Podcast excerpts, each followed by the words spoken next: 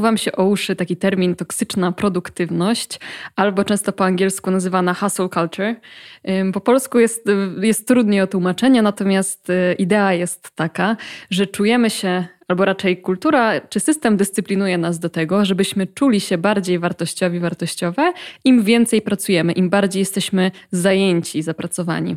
I o tym właśnie porozmawiałam z moim wspaniałym gościem, którego już na pewno znacie z poprzedniego odcinka, czyli z Tomaszem Stawiszyńskim. Nie wyobrażam sobie zaprosić do tej rozmowy nikogo innego. Y, jeżeli ktoś nie słuchał poprzedniej rozmowy, to Tomasz jest filozofem, publicystą, autorem wielu książek, w tym wspaniałej ucieczki od bezradności, o której była nasza ostatnia rozmowa, ale też autorem podcastu Skąd Inąd, który bardzo Wam polecam.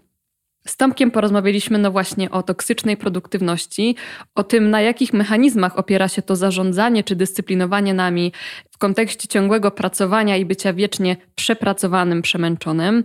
Y, nie obyło się bez rozmowy o toksycznym rozwoju osobistym, bo, bo branża samorozwojowa w dużej mierze czerpie korzyści z y, takiego właśnie toksycznie produktywnego systemu i o wielu, wielu innych rzeczach. Na koniec udało mi się wyciągnąć z Tomka parę polecajek książkowych i podcastowych, więc koniecznie przesłuchajcie naszej rozmowy do końca. Jestem też bardzo szczęśliwa, że patronem tego odcinka po raz już trzeci jest Wellbe, także bardzo Wam dziękuję. I oczywiście jak zwykle kłaniam się moim matronkom i patronom z Patronite'a. W tym miesiącu doszła nowa osoba, także pozdrawiam ją serdecznie i, i jeżeli ktoś chciałby dołączyć do subskrypcji, to jak zwykle w opisie odcinka znajdziecie wszystkie linki. Natomiast y, teraz zapraszam Was do rozmowy z Tomaszem Stawiszyńskim o toksycznej produktywności i nie tylko. Tomku, no ja przede wszystkim to się bardzo cieszę, że się dałeś tutaj zaprosić po raz drugi, bo y, przy pierwszym spotkaniu to ja zapowiadałam, że, że cię zaproszę jeszcze raz i cieszę się, że do tego doszło, bo nasz poprzedni odcinek się odbił naprawdę echem i szczególnie twoja książka, którą ja do dziś dostaję wiadomości o tej książce. Y, naprawdę. Więc no niestety spotykamy się przed czerwcem, czyli przed tym, kiedy twoja kolejna książka wyjdzie, więc jeszcze o niej y, nie porozmawiamy, może przy trzeciej rozmowie, ale dziękuję, że się, że się zgodziłeś dzisiaj dzięki, przyjść. Dzięki, dzięki ogromne i cała przyjemność po mojej stronie, wiesz, z wielką przyjemnością jestem tu Dziękuję. raz jeszcze. Bardzo mi się fajnie z Tobą wtedy rozmawiało i, te, i też miałem dużo e, bardzo dobrych e, opinii po tej rozmowie, także. Bardzo Super. się cieszę. I dzisiaj Tomku, temat, który mnie bardzo, bardzo interesuje, fascynuje i zauważyłam, że słuchaczy też, bo gdzieś tam e, zaprosiłam ich do interakcji i do zadawania potencjalnych pytań czyli temat toksycznej produktywności, a dokładnie, bo próbowałam znaleźć y, tłumaczenie, czyli hustle culture i jedyne, co znalazłam, to kultura zapierdolu. To jest jedyne, co znalazłam. Ja widziałem jeszcze kultura zajętości, ale o, to tak brzmi troszeczkę... Tak. Mm, Takie busyness, tak, jakby to, tak. to chyba o to chodzi ale myślę, że to jest szalenie ciekawe z perspektywy też filozoficznej, jako takie narzędzie w ogóle dyscyplinowania nami, a już szczególnie kobietami, to mam nadzieję, że też do tego jakoś y, dojdziemy. Czyli może zacznijmy w ogóle od tego, komu opłaca się y, propagować, czy popularyzować, czy właśnie dyscyplinować nas w taki sposób, żebyśmy myśleli, że nasza wartość zależy od tego, jak bardzo jesteśmy produktywni. Czyli kto za tym stoi? Kto za tym stoi, za tym spiskiem. No właśnie, bo to trochę tak brzmi, ale to przypuszczam, że nie jest takie znowu od rzeczy skojarzenie. Jakkolwiek y, pewnie bym nie wskazał jakiejś y, konkretnej grupy trzymającej władzę i trzymającej dyskurs, która spotyka się na przykład wieczorami, tam pali cygara, popija whisky i wymyśla właśnie różne takie narracje, które miałyby skutecznie nas e, pętać. E, tylko, że to jest jakaś produkcja naczyń połączonych, po prostu kultura jako konglomerat takiej sfery ekonomicznej, symbolicznej, mitologicznej, całe, cały obszar psychologii zbiorowej, to jest jakiś tak, taka sieć, która wytwarza tego rodzaju opowieści. No i rynek oczywiście jest tutaj y, chyba taką dominującą siłą, bo my oczywiście y, używając tego określenia kultura zajętości czy kultura zapierdolu, mówimy o mówimy o właśnie wiązce różnych przekonań e, na własny temat i na temat świata, który ludzie kultywują na różne sposoby i uwewnętrzniają, i które kultywować i uwewnętrzniać im się rekomenduje. I one mają pewien określony cel, to znaczy służą temu, żebyśmy właśnie byli jak najbardziej produktywni, efektywni, żebyśmy dawali z siebie wszystko, jeśli można użyć tego popularnego hasła i zwrotu.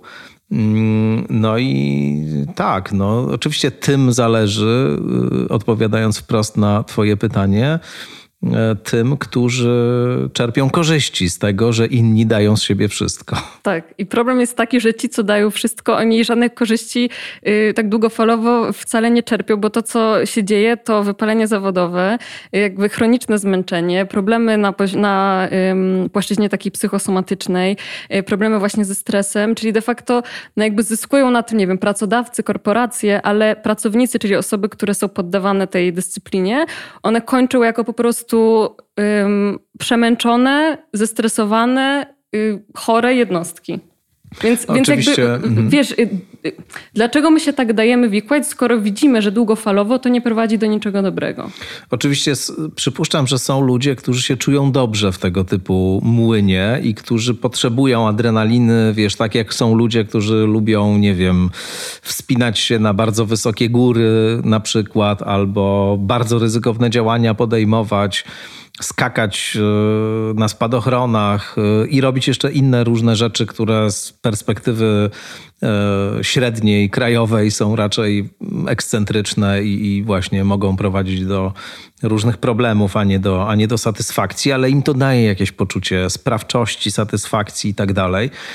Przypuszczam, że w dużym stopniu, i to też pokazują badania i statystyki, taka wysoka kadra menedżerska, ludzie osiągający bardzo y, wysokie y, wyniki, jednocześnie obarczeni bardzo wysoką odpowiedzialnością, zarabiający też bardzo duże pieniądze, to często są ludzie, którzy mają taką potrzebę po prostu. Znaczy oni się, oni mają pewną strukturę osobowościową, która im pozwala wytrzymywać jakieś obciążenia, które, które dla innych są nie, nie do wytrzymania, co oczywiście niekoniecznie musi oznaczać, że to super, świetnie i fantastycznie oni są tacy właśnie sprawni, efektywni mm, i tak dalej, tylko może to oznaczać, że kryteria, y, wedle których ten świat jest zbudowany, są kryteriami, w których na przykład tylko osoby o cechach psychopatycznych radzą sobie sprawnie, bo to też zresztą idzie często w parze. I nie jest to znowu jakaś e, ekscentryczna teza, bo, bo już tam od lat 70., od tej pierwszej słynnej książki Roberta Hare o psychopatach, to się nazywało Psychopaci są wśród nas, bodaj w polskim tłumaczeniu, przez takie nowe prace takiego brytyjskiego psychologa Kevina Dattona, e, też wydawane po polsku, no wiadomo generalnie, że rzeczywiście ludzie o cechach psychopatycznych w tak skonfigurowanej rzeczywistości, gdzie właśnie siła, pewna bezwzględność, umiejętność separowania się od emocji, one są, to są najważniejsze cechy, że ci ludzie e, wysoko często zachodzą. No więc, e, więc e, od tego zacząłem, że, że są ludzie, którzy się po prostu w tym dobrze czują. Natomiast myślę, że w ogromnym stopniu jednak, i, i to znowu też są rzeczy faktograficzne, Mm, ludzie są dziś, e, czy żyją w takim poczuciu, by użyć starej, dobrej marksowskiej kategorii, a, a takiej, po takim poczuciu alienacji od, od tego, co robią, że praca jest e, czymś e, złym i koniecznym zarazem, że jest źródłem frustracji, a nie satysfakcji, że skala wysiłku jest nieproporcjonalna do tego, co się z tego wynosi i że wykonuje się w ogromnym stopniu jakieś zupełnie bezsensowne e, czynności, które niczemu sensownemu nie, nie służą. No ale żeby ten cały system się kręcił właśnie, żeby mimo tego, że masz tego typu doświadczenie i tego typu e, poczucie i mimo tego, że nie wiem, to co dookoła oceniasz w, w, negatywnych zdecydowanie kategoriach, no żeby mimo tego y, jednak zasuwać na, na, na najwyższych obrotach, no to muszą być takie środki, które pozwolą cię tam utrzymać w tej grze y, i najlepiej to zrobić tak, żebyś oczywiście sama uważała, że ta gra jest, jest fantastyczna, świetna i, i że jeśli ewentualnie coś idzie nie tak, no to przede wszystkim z tobą jest problem, tak. a, nie, a nie z tą grą. Tak, to już jest w ogóle y, temat rzeka, to znaczy mówienie nam, jak bardzo jesteśmy niewystarczający, żebyśmy wiecznie pracowali, też tak. nie tylko pracowali dla kogoś, ale pracowali nad sobą. To do tego myślę, że też dojdziemy. Ale jeden z słuchaczy, kiedy zapytałam właśnie o toksyczną produktywność, napisał mi, że niepokoi go właśnie to, że to mu daje poczucie władzy. To znaczy, kiedy jest właśnie wystarczająco produktywny, to czuję się tak trochę mm. ponad innymi. Więc zastanawiam się też, czy też y, ta machina nam nie dała właśnie takiego no bardzo w sumie no, toksycznego i smutnego poczucia, że kiedy jesteśmy tak zajęci, to jesteśmy ponad innymi. To, że możemy więcej, że nasz status społeczny jest wyższy. Oczywiście, no myślę, że w ogóle to zjawisko, o którym rozmawiamy, ma trochę źródła w tym, że straciło życie ludzkie na wartości, powiedziałbym. To znaczy, że jednak funkcjonujemy w świecie, w którym, e, w którym niczym w grze komputerowej zbiera się różne bonusy, dobra i tak. E, w zależności od tego, ile tam nazbierasz tych, nie wiem, czerwonych kuleczek albo jakichś tam, nie wiem, mieczyków małych albo, tak. albo takich worków z pieniędzmi, etc.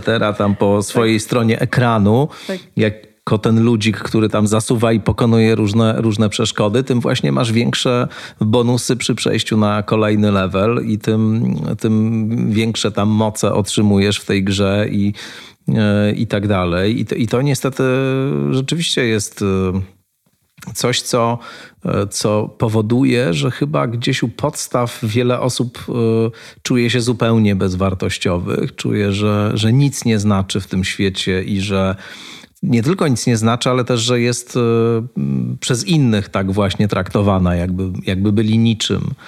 E, chyba, że e, wyruszą do konkurencji, staną do współzawodnictwa, wyrwą co swoje, zakumulują, no i wtedy będą mogli tych innych, którzy tego nie mają, jeszcze albo już, albo w ogóle nie mają i nie będą mieli, też będą mogli traktować tak jak by tamci byli niczym i to rzeczywiście wydaje mi się chyba najbardziej takie niepokojące i niebezpieczne w tym.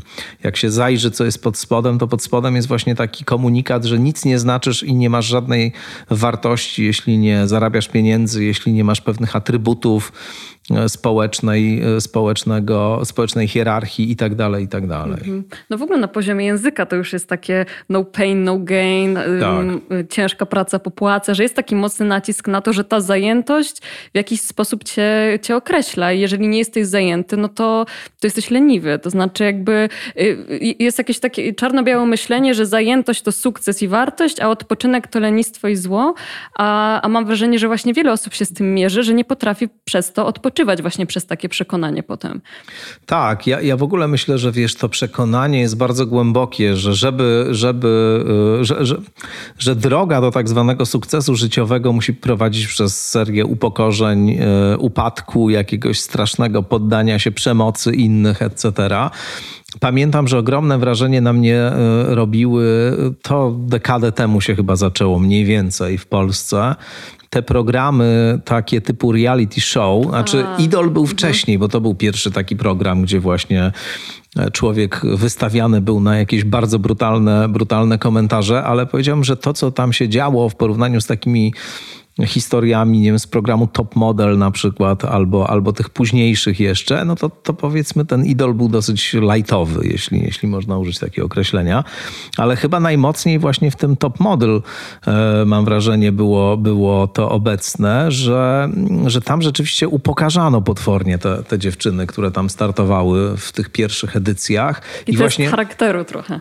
Tak, tak, mhm. tak. I, i tam był, to było takie przekonanie, że właśnie tak, taki jest świat, brutalny, tak jak po prostu my cię tutaj nauczymy, jak to wygląda, etc. A, a wydaje mi się, że była to jakaś taka ponura reprodukcja na najbardziej takiej drastycznej przemocy, zresztą takiej, która przypuszczam, jak na dzisiejsze standardy już by nie przeszła. To znaczy pewne teksty, które tam wtedy padały i miały być właśnie synonimem prawdy życiowej, e, etc., no już by dzisiaj się nie, nie przebiły, przynajmniej nie w mainstreamie telewizyjnym.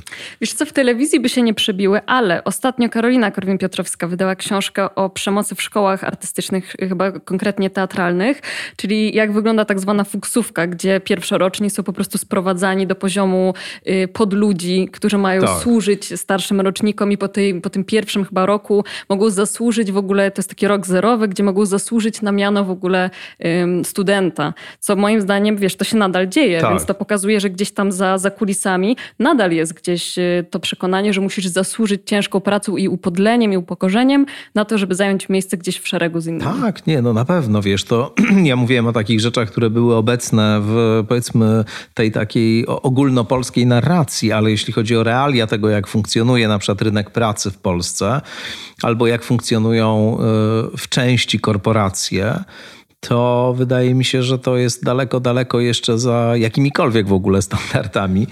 E, I, I, to jest w polskiej kulturze niezwykle mocno zakorzenione, bo w ogóle bardzo mocno hierarchiczność jest zakorzeniona tutaj.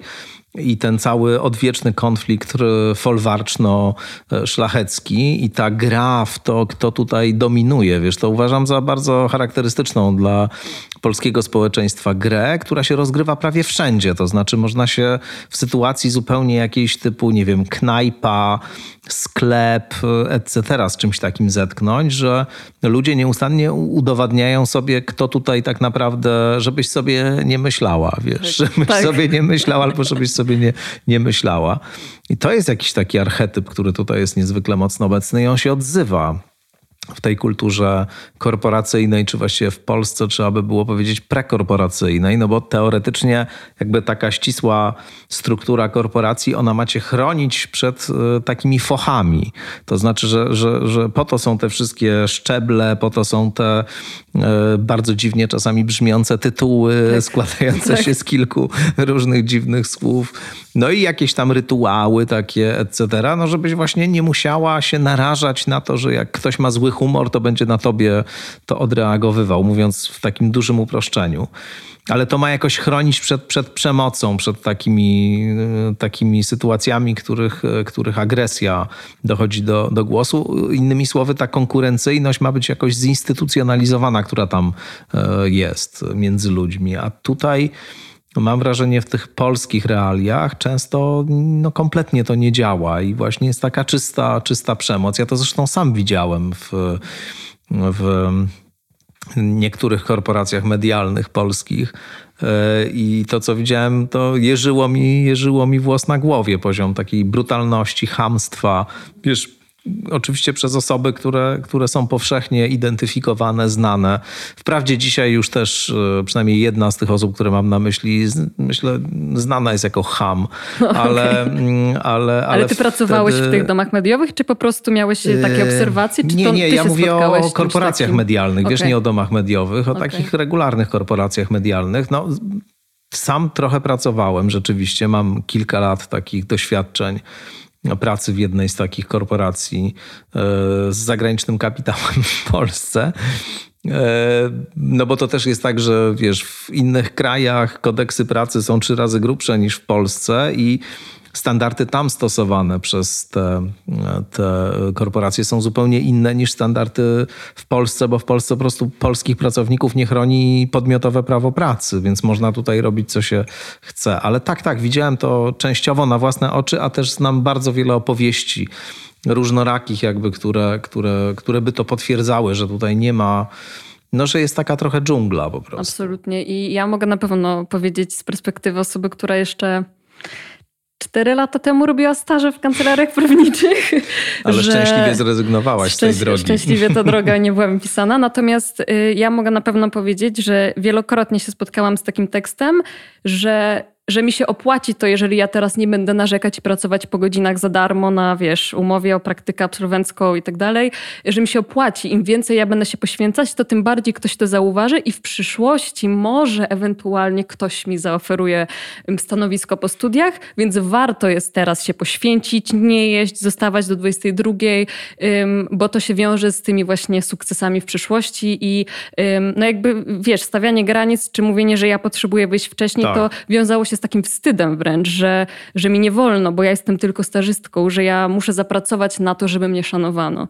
Więc ja myślę, że to, to jest nadal bardzo właśnie wykorzystywane jako, jako no właśnie dyscyplinowanie czy zarządzanie ludźmi do tego, żeby tak. potem, e, no właśnie, żeby się tak trochę upodlali, robili za dużo niż jest od nich wymagane, zamiast e, i, i przy okazji nie trzeba im przecież płacić, więc, więc dlaczego nie? Tak, no to oczywiście wracamy do słynnego tekstu profesora Matczaka, jak, tak. jak, jak sobie przypominam, bo tam tak. wokół tego była straszna tak, afera. Tak.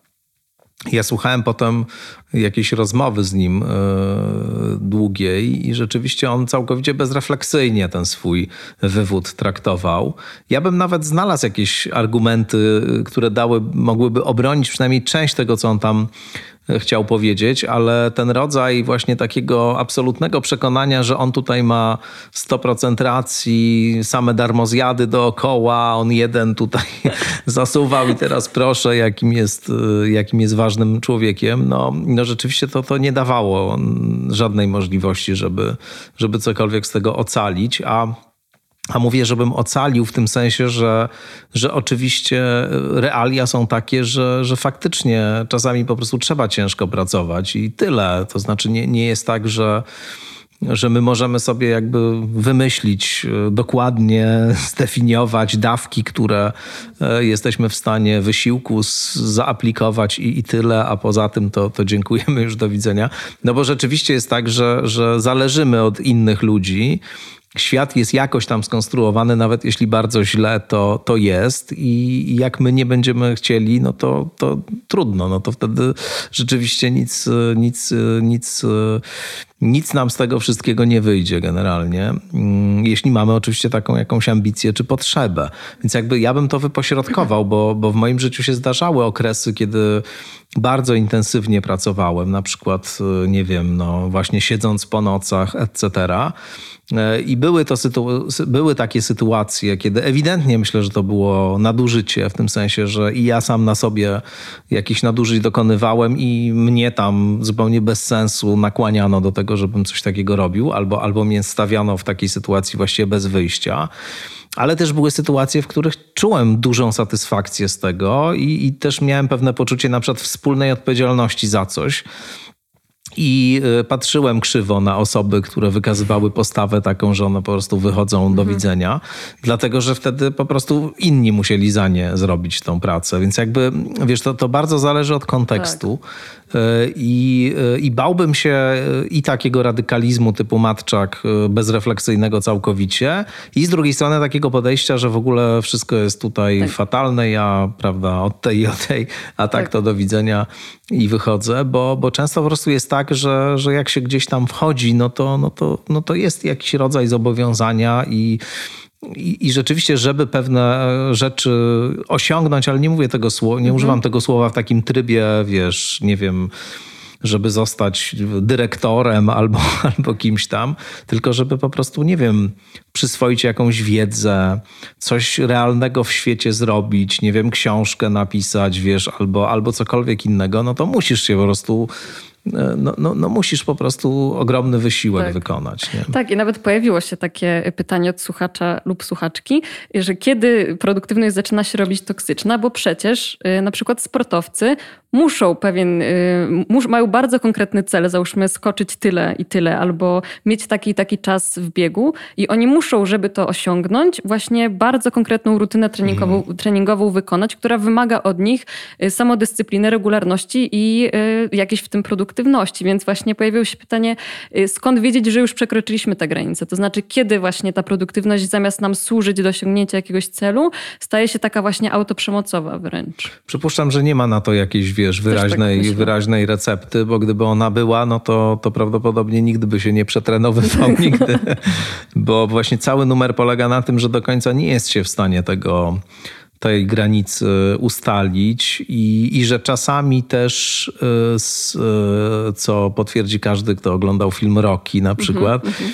no właśnie pewien rodzaj wysiłku ponad, ponad własne siły jest czymś, co z kolei przynosi jakiś rodzaj satysfakcji.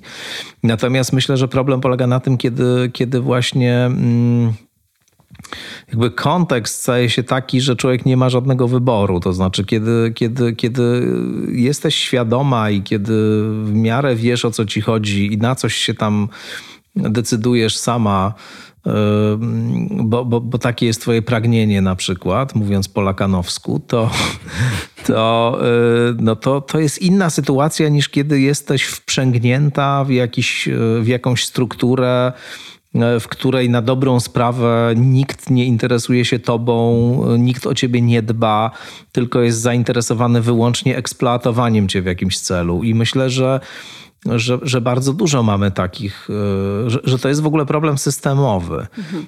że, że nie tylko w sporcie, który jednak stał się e, już e, tak wyśrubowane, znaczy kryteria jakby sukcesu sportowego stały się tak ogromnie wyśrubowane i ta eksploatacja po to, żeby bić kolejne rekordy, po to, żeby E, zapewniać oglądalność e, własnego ciała, własnych, własnej wydolności, no, jest na kompletnie innym poziomie niż była, nie wiem, 20 albo 30 lat temu. To wystarczy popatrzeć na to, jak wygląda nie wiem, mecz tenisa dzisiaj, nie? a jak wyglądał lat temu 30 albo 40.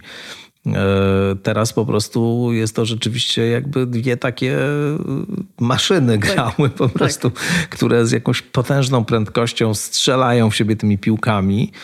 E, I to oczywiście też pod wieloma względami jest imponujące, ale, ale gdzieś znikła e, finezja, nie wiem, technika. To też są, są oczywiście rzeczy istotne dzisiaj. To nie jest tak, że tego nie ma, ale siłowość jakby tego sportu jest potężna w ogóle względem tego, co, co było kiedyś. E, nie mówię o tym, jak MMA wygląda na przykład, albo jakieś takie inne inne rzeczy, bo, bo tam też taka następuje gradacja, że najpierw było MMA, potem się, MMA. teraz potem się pojawiły freakowe, wiesz, walki, gdzie już wszyscy się piorą po prostu po pyskach, e, ale są teraz jeszcze coraz bardziej popularne takie walki na gołe pięści, że już się ludzie po prostu tłuką bez żadnych jakby ochron po, po, po, po twarzach straszliwie i, i, to, i to już widać, że jakby ten rodzaj takiego właśnie nieustannego podwyższania e, poprzeczki i nieustannego kolejnego jeszcze ekstremalnego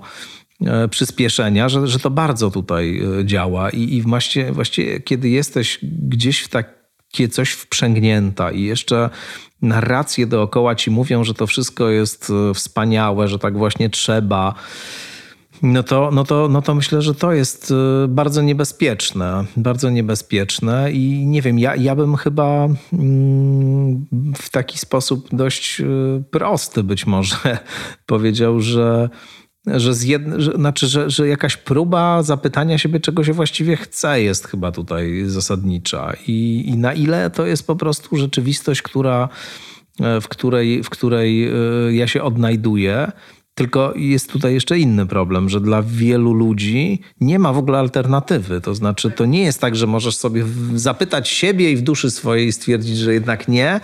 No i zrobić coś innego, bo, bo niektórzy mają taką możliwość, żeby wyjść z tego młynu albo w niego nigdy nie wchodzić, ale myślę, że jest też wiele osób, które po prostu nie mają możliwości funkcjonowania gdzie indziej. Tak, ja też myślę, że y, nawet jeszcze powiedziałabym bardziej tragiczne jest to, że nie, nie chodzi o to, że na przykład nie możesz z tego wyjść, bo nie wiem, ktoś jest od ciebie zależny, musisz zarabiać na dom, tylko jeszcze bardziej tragiczne jest to, że ty wewnętrznie nie możesz z tego wyjść, bo na przykład całe swoje jestestwo opierasz na tym, że osiągasz i się samorealizujesz w taki wręcz sposób, że udowadniasz ciągle sobie i innym, że jesteś w ogóle czegokolwiek wart, więc ty nie możesz z tego wyjść, bo kim ty jesteś w ogóle bez tego? To znaczy, jeżeli całe życie cię ktoś dyscyplinował do tego, żeby osiągać, bo na przykład dawał ci uwagę tylko wtedy, kiedy osiągałeś, to ty po prostu nie masz wyjścia, bo masz taki wewnętrzny konflikt pod tytułem: No dobra, jestem ym, zapracowany, chcę odpocząć, ale z drugiej strony, jak ja nie będę mieć tego, to w zasadzie co ja mam światu do zaoferowania? I to jest moim zdaniem jeszcze bardziej tragiczne. Tak.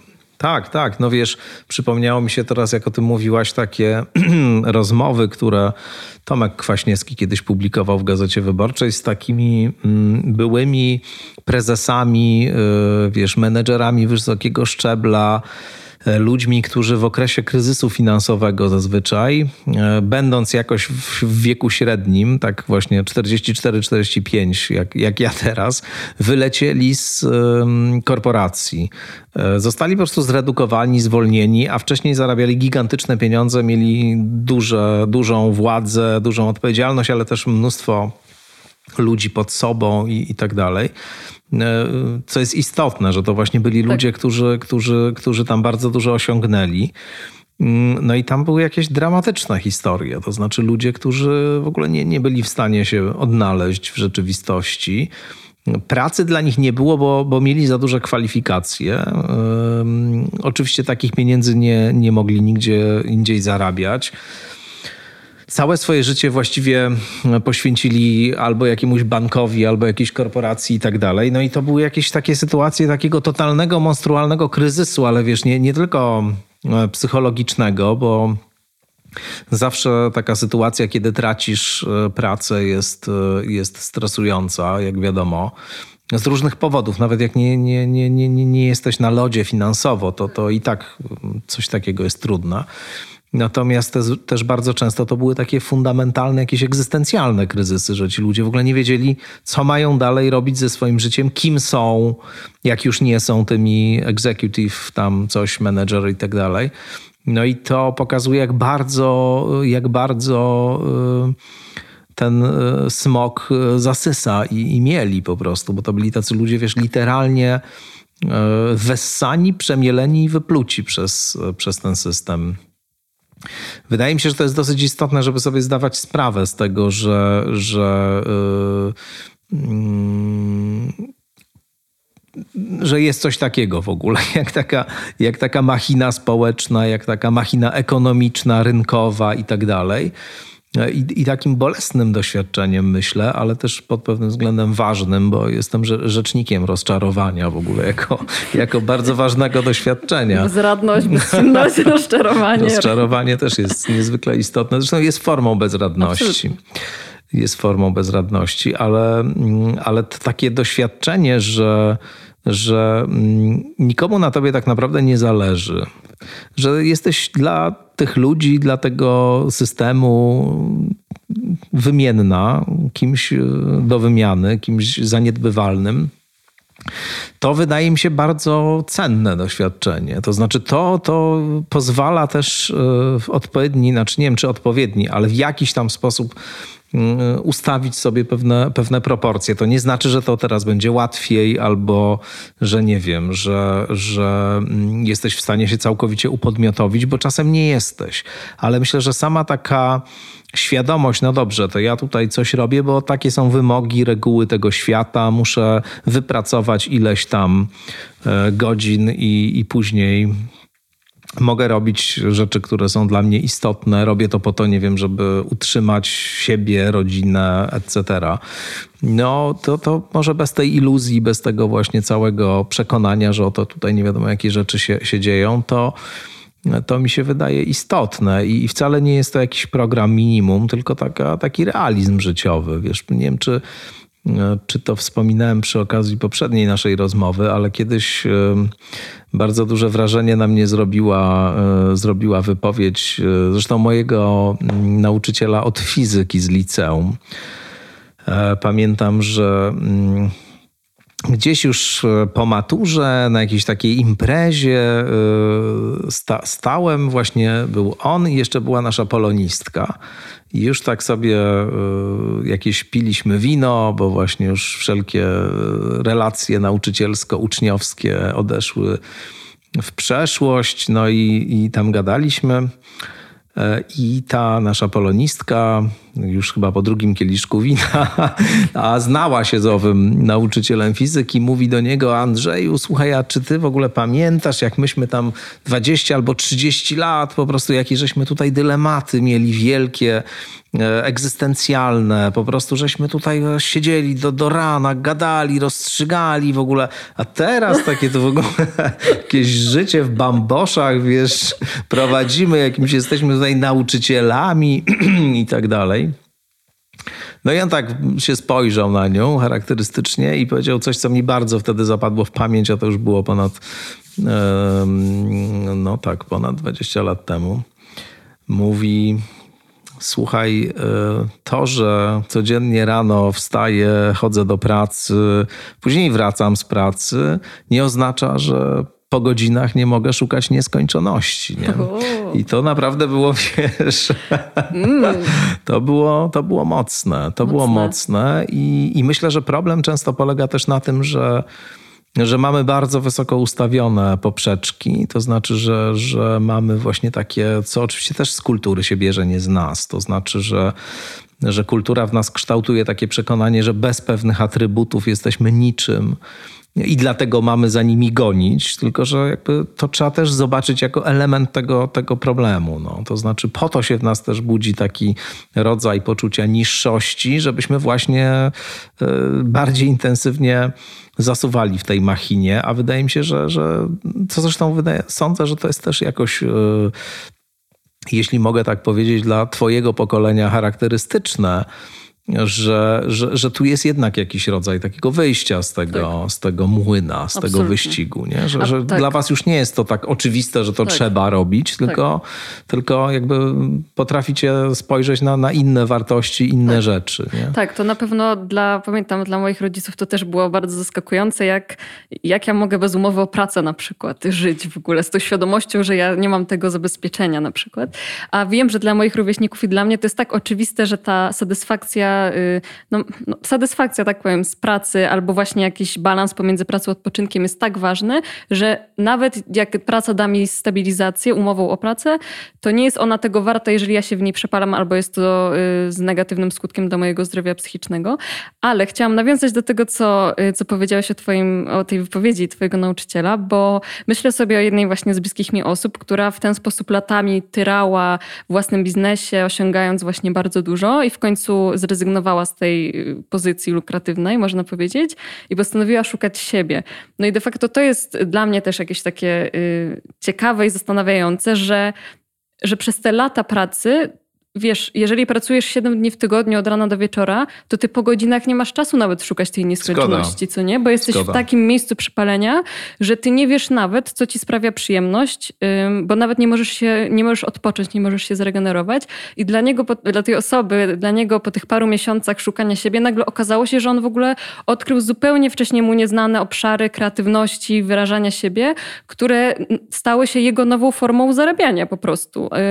I nie miał do nich dostępu przez lata mm. pracy po prostu katorżniczej, bo on nie miał siły w ogóle eksplorować, co go interesuje w życiu. Tak, I to jest tragiczne. Oczywiście, wiesz, ten program z nieskończonością to był, to był raczej program właśnie na tego typu y, perspektywę, czy, czy już na wyjście z tego młyna, ale właśnie y, przywrócenie sobie pewnych proporcji, to znaczy tego, że ja nie muszę nie wiadomo jak zasuwać, nie wiadomo jakich osiągać w kategoriach tego świata benefitów, mogę y, na pewnym programie minimum właśnie przejść, ale zarazem mieć możliwość jakiegoś jeszcze y, zajmowania się rzeczami, które, które są dla mnie istotne i ważne. Chociaż znowu E, sądzę, że taka możliwość jest przywilejem nielicznych. To znaczy, że że to jest e, wielkomiejska sprawa, raczej dla takiej, wiesz, e, dobrze sytuowanych, z inteligenckich rodzin ludzi, albo takich, którzy albo takich, którzy uzyskali takie kompetencje, na przykład w edukacji, które właśnie dają im możliwość jakby wykonywania takiego dosyć wolnego, wolnego zawodu. Natomiast, że jednak jest grupa duża ludzi, którzy, którzy żadnego wyboru nie mają z różnych powodów. To nie jest tylko kwestia, nie wiem, e, ich decyzji życiowych, ale też, nie wiem, kontekstu, w jakim się urodzili, rodziny, w jakiej funkcjonują, wiesz, miejscowości, nie wiem, no, całego szeregu różnych, różnych, różnych rzeczy. I, I dlatego e, powiedziałbym tak, że, że przede wszystkim wydaje mi się, że istotna jest, czy istotne jest budowanie takiej świadomości związanej właśnie z koniecznością modyfikacji systemowych, to znaczy przeprogramowywaniem trochę tych narracji, które E, e, które kulturę konstytuują. Dlatego, mm, dlatego mm, James Hillman, bliski memu, memu sercu myśliciel, w pewnym momencie w ogóle zrezygnował z prowadzenia psychoterapii indywidualnej. On był psychoterapeutą przez lata. E, I, e, I w pewnym momencie, zresztą Helen Hunt, taka aktorka hollywoodzka, była jego, jego pacjentką i bardzo, bardzo to sobie chwaliła.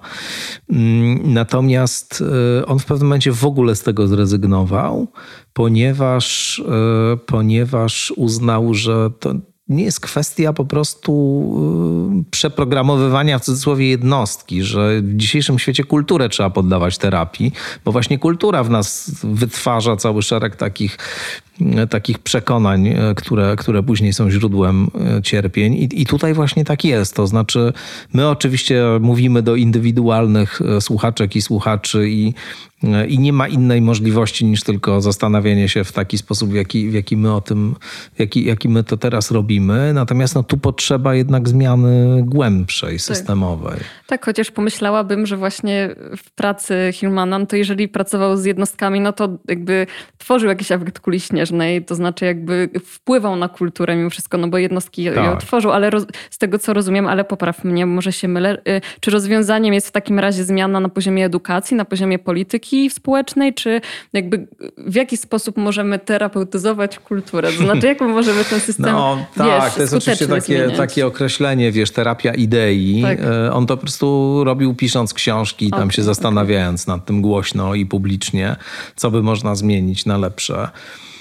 Powiem szczerze, że, że tak, no to, to oczywiście jest, wiesz, wielopoziomowa struktura, którą by należało od różnych stron zmodyfikować, ale, ale im bardziej się temu przyglądam osobiście, tym mniejszą mam wiarę w to, że, że to w ogóle jest możliwe, wiesz, no że to w ogóle jest możliwe, dlatego że e, nie wiem, możliwe bez jakiegoś, nie wiem, kolapsu po drodze, bez jakiegoś, bez czegoś, co w jakiś gruntowny sposób by było w stanie nam jakby pewne sprawy uwidocznić. I oczywiście zdarzają się takie rzeczy pojedyncze, różne, które wydawałoby się, że, że są czymś na kształt takich epifanii typu e, kryzys, e, typu pandemia i, i, wojna, etc., ale w takim szerokim planie to zawsze się okazują tylko takie doraźne, lokalne, nawet jeśli globalne, e, wiesz, zakłócenia, a później wszystko i tak wraca na ten,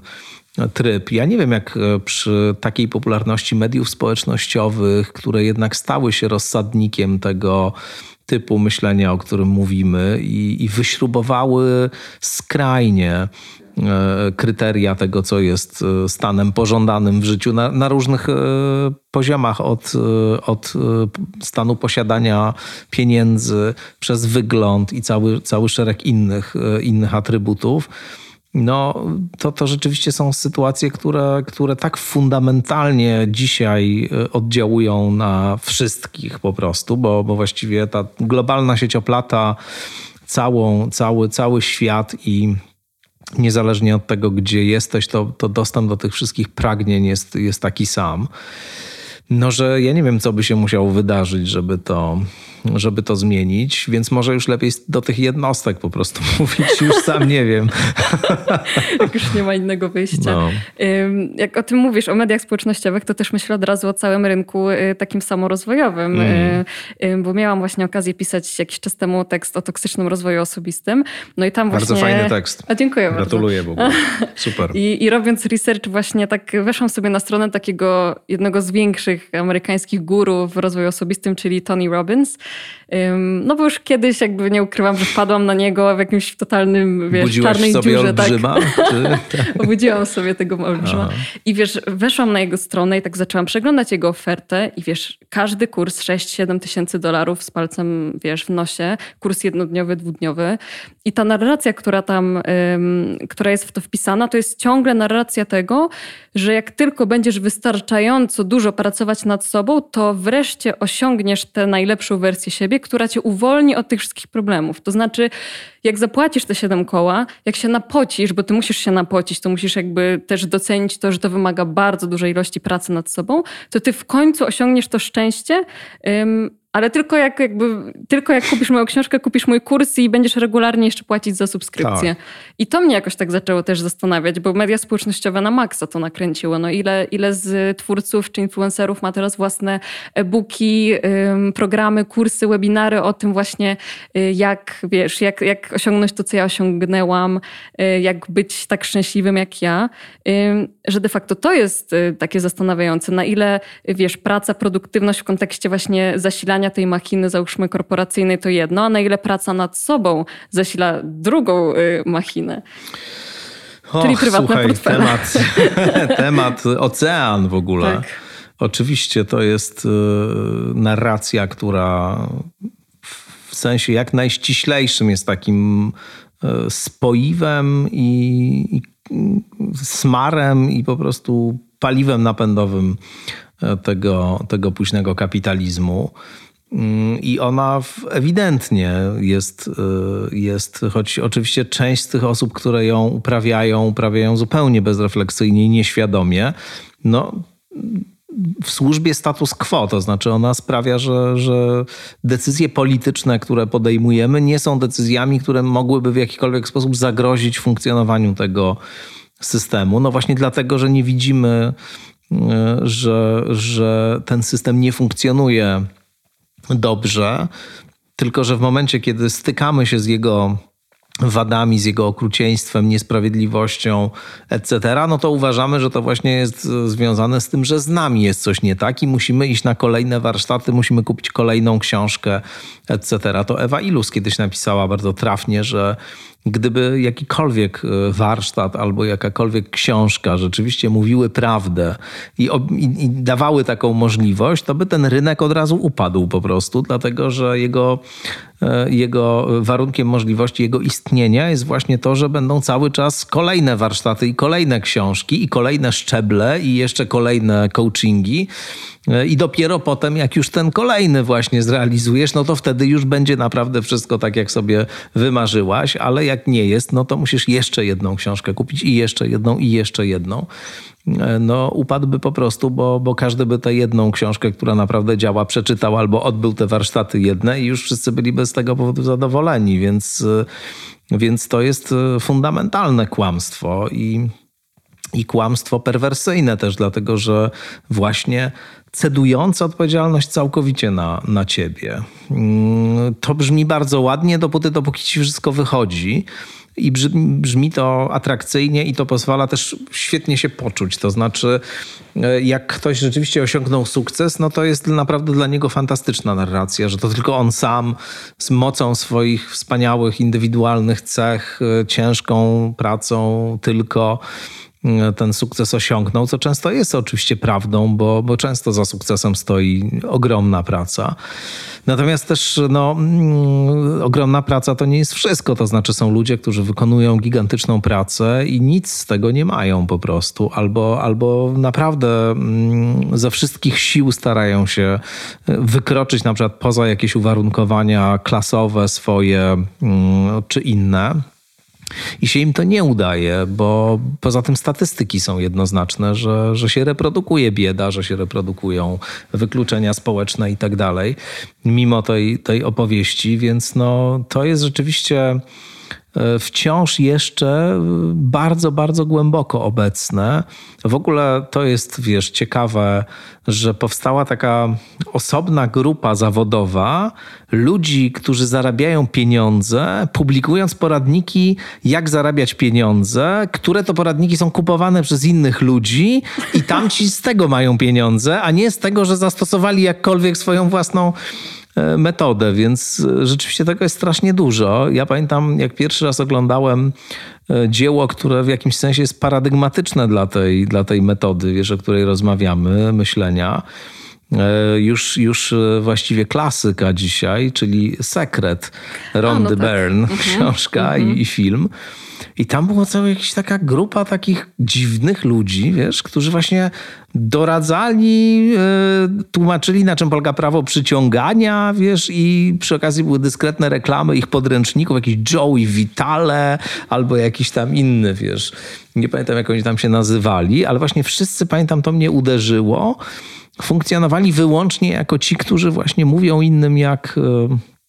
Jak, jak e, zarabiać pieniądze, przy czym sami nie, nie zarabiają tych pieniędzy w żaden inny sposób niż, niż tylko mówiąc, innym jak mówiąc, tak. jak mają to robić. Tak. Bardzo ciekawa profesja. I też e... ciekawe jest to, co powiedziałeś, że y, kreując to takie przekonanie, że właśnie ten sukces zależy tylko od ciebie, od twojej ciężkiej pracy, no to przecież po drugiej stronie, kiedy spotyka cię porażka, a ona cię będzie spotykać. Ale oczywiście, to też jest to twoja jest wina. No to to też jest wtedy całkowicie Wyłącznie. twoja wina. Wyłącznie twoja wina. Właśnie na tym to polega. To znaczy, to jest już ta druga część, którą, której się zazwyczaj nie, tak, nie o której się nie tak, wspomina nie do końca.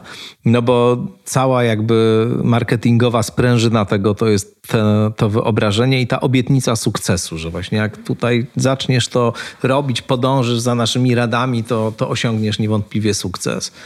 No ale właśnie często jest tak, że tego sukcesu nie ma. Znaczy najczęściej w ogóle tak jest y, statystycznie rzecz biorąc, bo to wyobrażenie sukcesu, o którym się często tutaj mówi, no ono jest całkowicie nierealistyczne dla 99% populacji.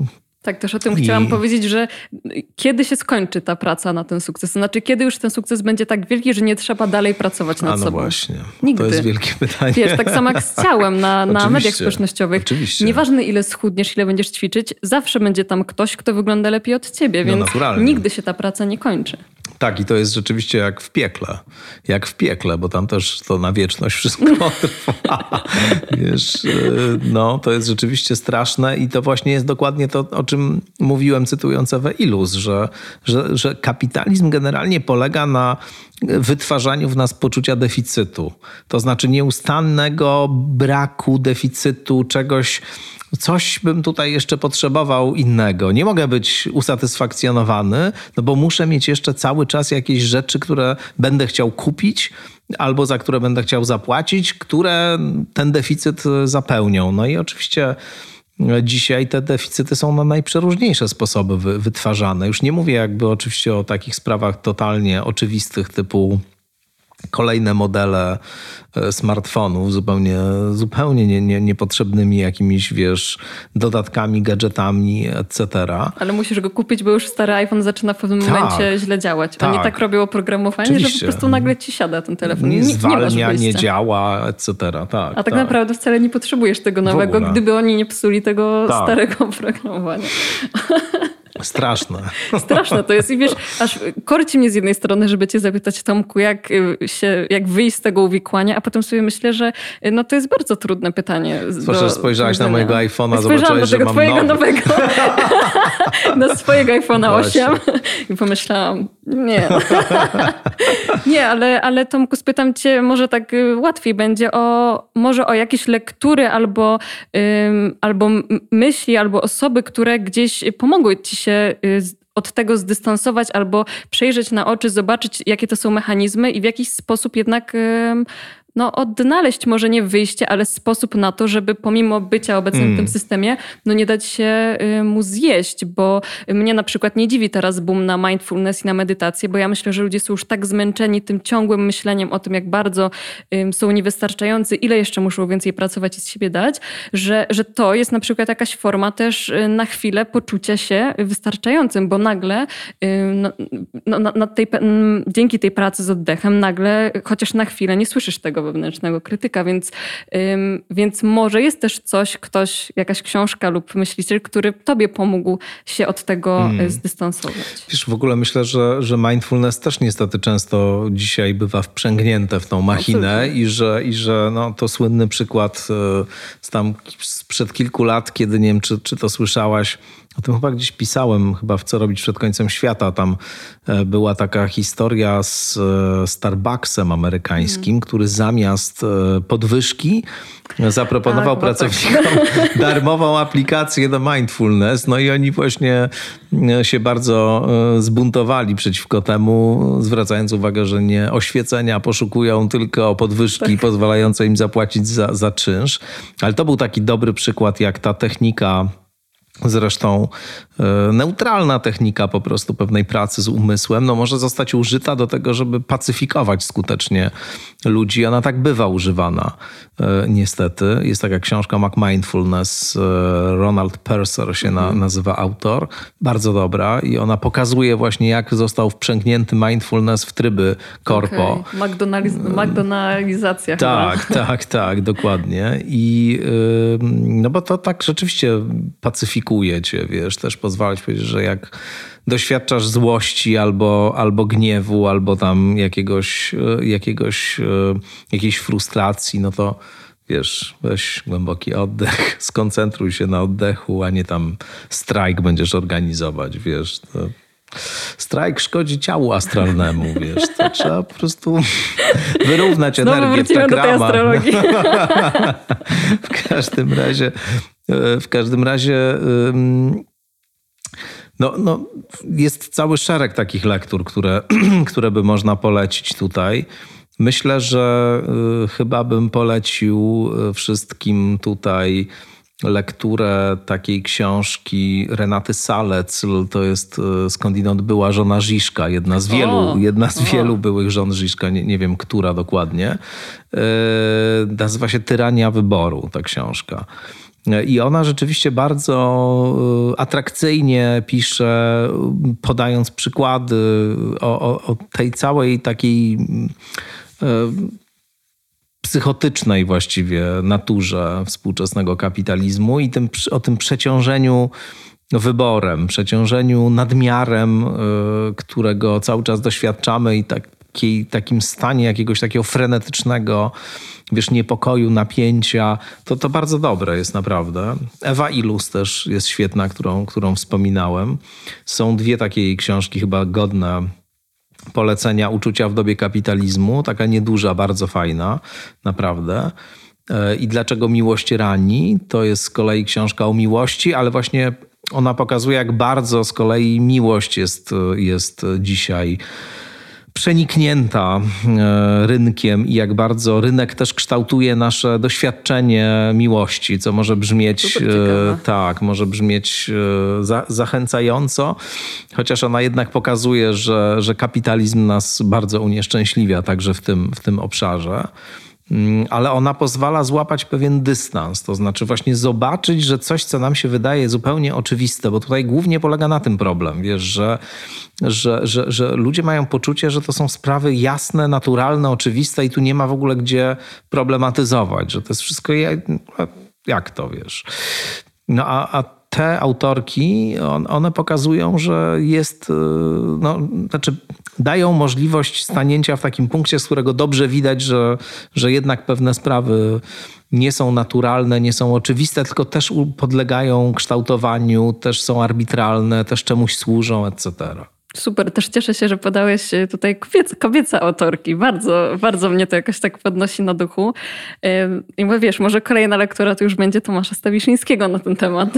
Coś tam trochę o tym pisałem w potyczkach z Freudem e, w mojej pierwszej książce. Troszkę tam jest w Ucieczce od bezradności również o tym i, i w co robić przed końcem świata też jest. Y, myślę, że to jest jakiś wątek, który, który, który rzeczywiście jest dla mnie istotny i, i ważny, ale no może rzeczywiście coś warto takiego bardziej całościowego wokół tego tak. zrobić. Tak, jeszcze się zastanawiałam, czy są może jakieś podcasty, bo w sumie nie, nie pytałam cię o to nigdy wcześniej, a też mnie to zastanawiało, jakich ty w ogóle słuchasz podcastów i czy coś takiego otwierającego ci oczy y, masz godnego polecenia? Czy podcasty to nie jest twój... Jest, jest. Ja nie słucham jakoś bardzo dużo Właśnie podcastów. Ja też tak mam. Jak się ale... nagrywa, to tak mniej się słucha. Naprawdę. Więcej się czyta. No tak, to prawda. Ale może masz Ale coś. wiesz co, no ja jestem wielkim fanem sama Harrisa od lat okay, w ogóle okay. I, I, bardzo go cenię i, i lubię jego książki i też jestem stałym, e, stałym e, odbiorcą jego podcastów i, i, też e, subskrybentem, to znaczy wpłacam tam sukcesywnie kasę na, na jego działalność. I on mi się wydaje rzeczywiście no, absolutnie świetny. Jego, jego bardzo lubię i, i z uwagi na nieoczywistość pewną światopoglądową, bo to z jednej strony jest taki ateista i, i racjonalista, z drugiej strony on ma wychylenie medytacyjno, takie buddyjskie, ciekawe. Tak. I, I, parę doświadczeń ciekawych, psychodelicznych też, e, tak, też za tak, sobą. Mm, jest człowiekiem bardzo niezależnie myślącym, jest poza kontekstem to, to znaczy jest tak jakby niewpisywalny w oczywisty sposób w tą mapę taką politycznego sporu dzisiaj, bo jest liberałem zdecydowanym, to ma lewicowo-liberalne przekonania, ale jest jednak e, odległy od e, identity politics i, i jest krytyczny wobec te, tej opcji, co też jest mi bliskie. Mhm. I, i, i wobec w ogóle takiej radykalnej lewicy dzisiaj się, się, się krytycznie ustawia, co, co też mi się wydaje ważne, żeby, żeby, żeby z takich liberalnych pozycji, nie z prawicowych, tylko, tylko z liberalnych właśnie pewne elementy tego lewicowego dzisiejszego programu krytykować. No i skala poruszanych przez niego tematów jest też ogromna. Jest też ogromna. Lubię Colemana, Colemana Hughesa. To jest taki człowiek, który też, e, też e, występował u Harrisa i właśnie poprzez Harrisa go, go poznałem. Młody gość e, po filozofii na Stanfordzie, afroamerykanin w pozycji, powiedziałbym, ideowej, podobnej do, do Harrisa, również takiej ideowo-politycznej. E, Michaela Shermera też czasem słucham, e, który jest, chociaż mniej ostatnio, bo, bo mm, już, już jakoś mniej go śledzę, ale to jest taki człowiek, który był, czy jest redaktorem naczelnym Skeptical Inquirer. Mhm Odkryłem ostatnio Barry Weiss, e, takie podcasty, też, też e, mm, bardzo ciekawa, ciekawa autorka. E, z polskich rzeczy to lubię raport o stanie mhm. świata. Słucham Sznurowadeł Myśli. Nie wiem, czy znasz. Bardzo dobry podcast, ale re regularnie zacząłem słuchać. Naprawdę. No. Bardzo mi miło. Karola Paciorka słucham. Nie, nie zawsze, ale, ale takie różne rozmowy, które mi się tam podobają.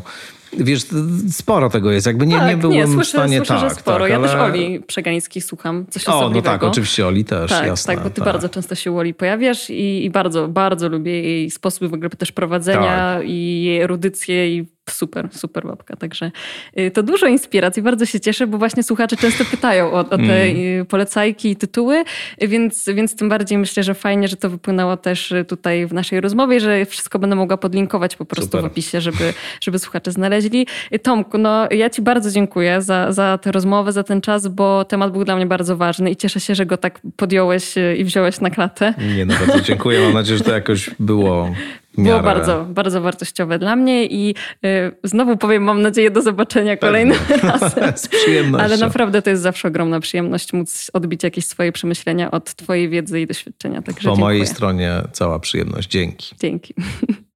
Na dzisiaj to już wszystko. Bardzo Wam dziękuję za przesłuchanie naszej rozmowy do końca. Podlinkowałam wszystkie książki podcasty, na które powoływał się Tomek. Mam nadzieję, że skorzystacie z tych polecajek. Ja na pewno skorzystam, bo bardzo sobie cenię to, co czyta i co poleca y, Tomek. Jeżeli macie jakieś refleksje, przemyślenia, może temat właśnie toksycznej produktywności czy toksycznego rozwoju osobistego jest Wam bliski, to jak zwykle na Instagramie sznurowadła.myśli możecie do mnie napisać, skomentować posty.